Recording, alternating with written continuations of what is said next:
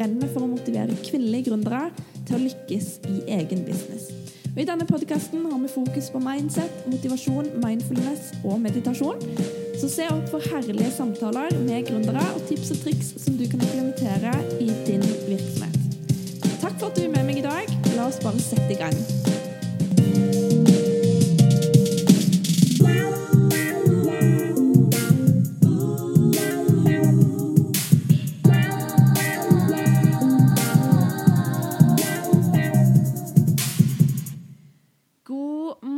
Morgen, kjære gode deg. Takk for at du er med meg i dag gjennom dagens episode, nemlig episode fire. Hvordan sette den ultimate standarden for suksess.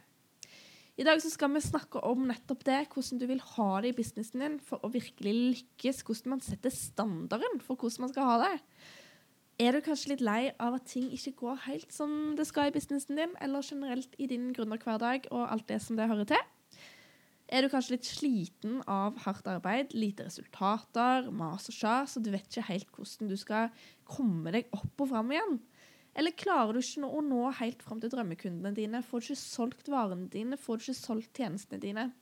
Og når vi sitter med sånne følelser av at ting bare ikke går, det går rett og slett bare ikke sånn som det skal, så er det lett for å miste gnisten og poweren som man trenger for å jobbe målretta og jobbe på for å nå målene sine.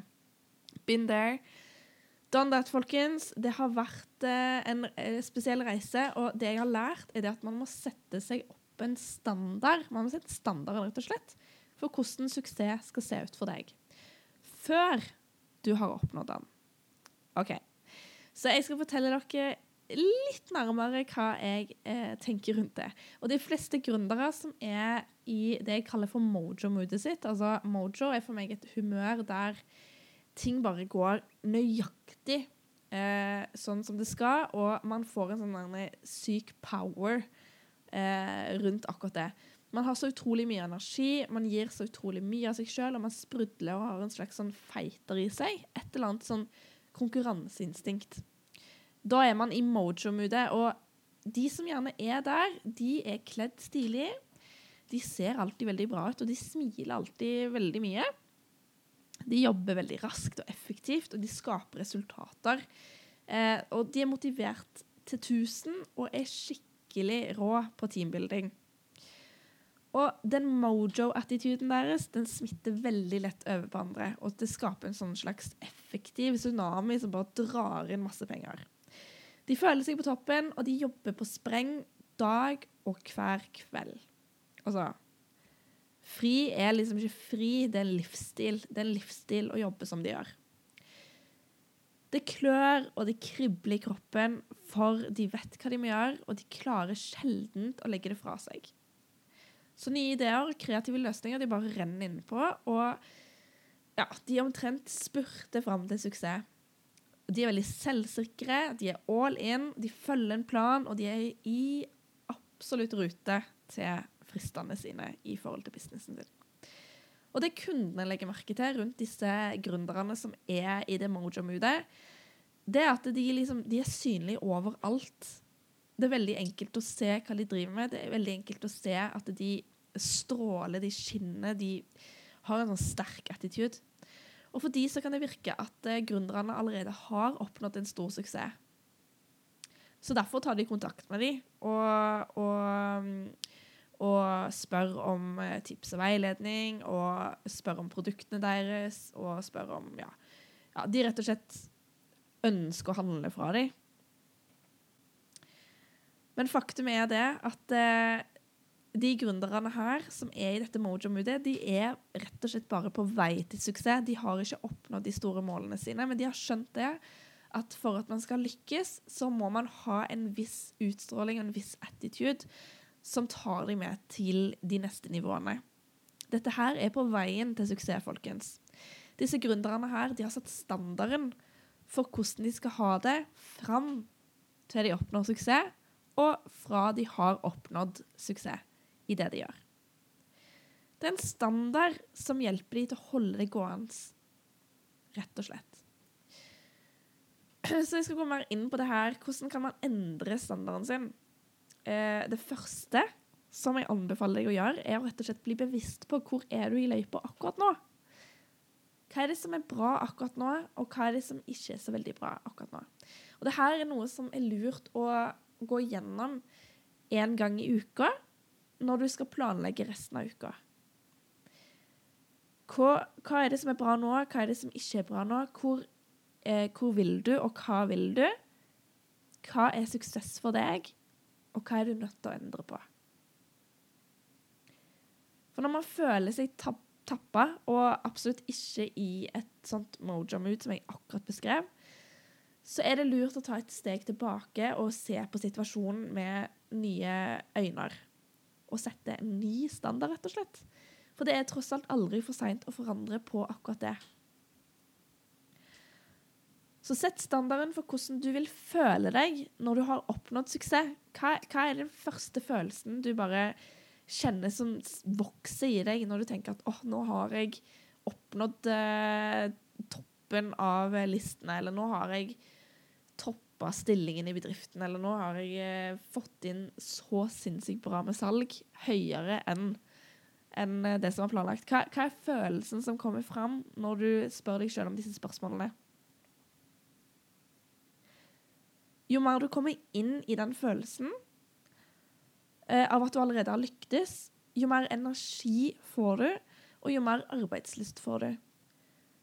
Og på den måten så setter du standarden for hvordan du skal opptre i hverdagen din, i gründerhverdagen din, hvordan du skal opptre i markedsføringsmaterialet, hvordan du skal være når du møter nye mennesker, hvordan du skal være når du prater på podkaster eller på filmer eller skriver ja, Facebook-tekster osv. til eh, kundene dine eller til eh, kollegaene dine. Så du, du setter rett og slett en, en, standard basert på hva er det du føler når du har lyktes. Begynn å føle det i dag. Husk at kundene dine de kjøper deg før de kjøper produktene dine. Det neste du kan gjøre, er å sette en måldato og det å rett og slett ha gode rutiner på hva du bør gjøre hver dag fram til du når målet ditt. Er det veldig mye som skal gjøres, kanskje du må skaffe deg en assistent eller en ny kollega. Vi vet jo det at uh, sjelden lykkes man helt alene.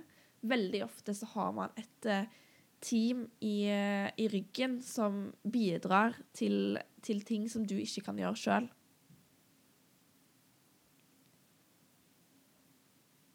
Så hva er det du kan delegere bort av arbeid, f.eks. Sett opp et budsjett.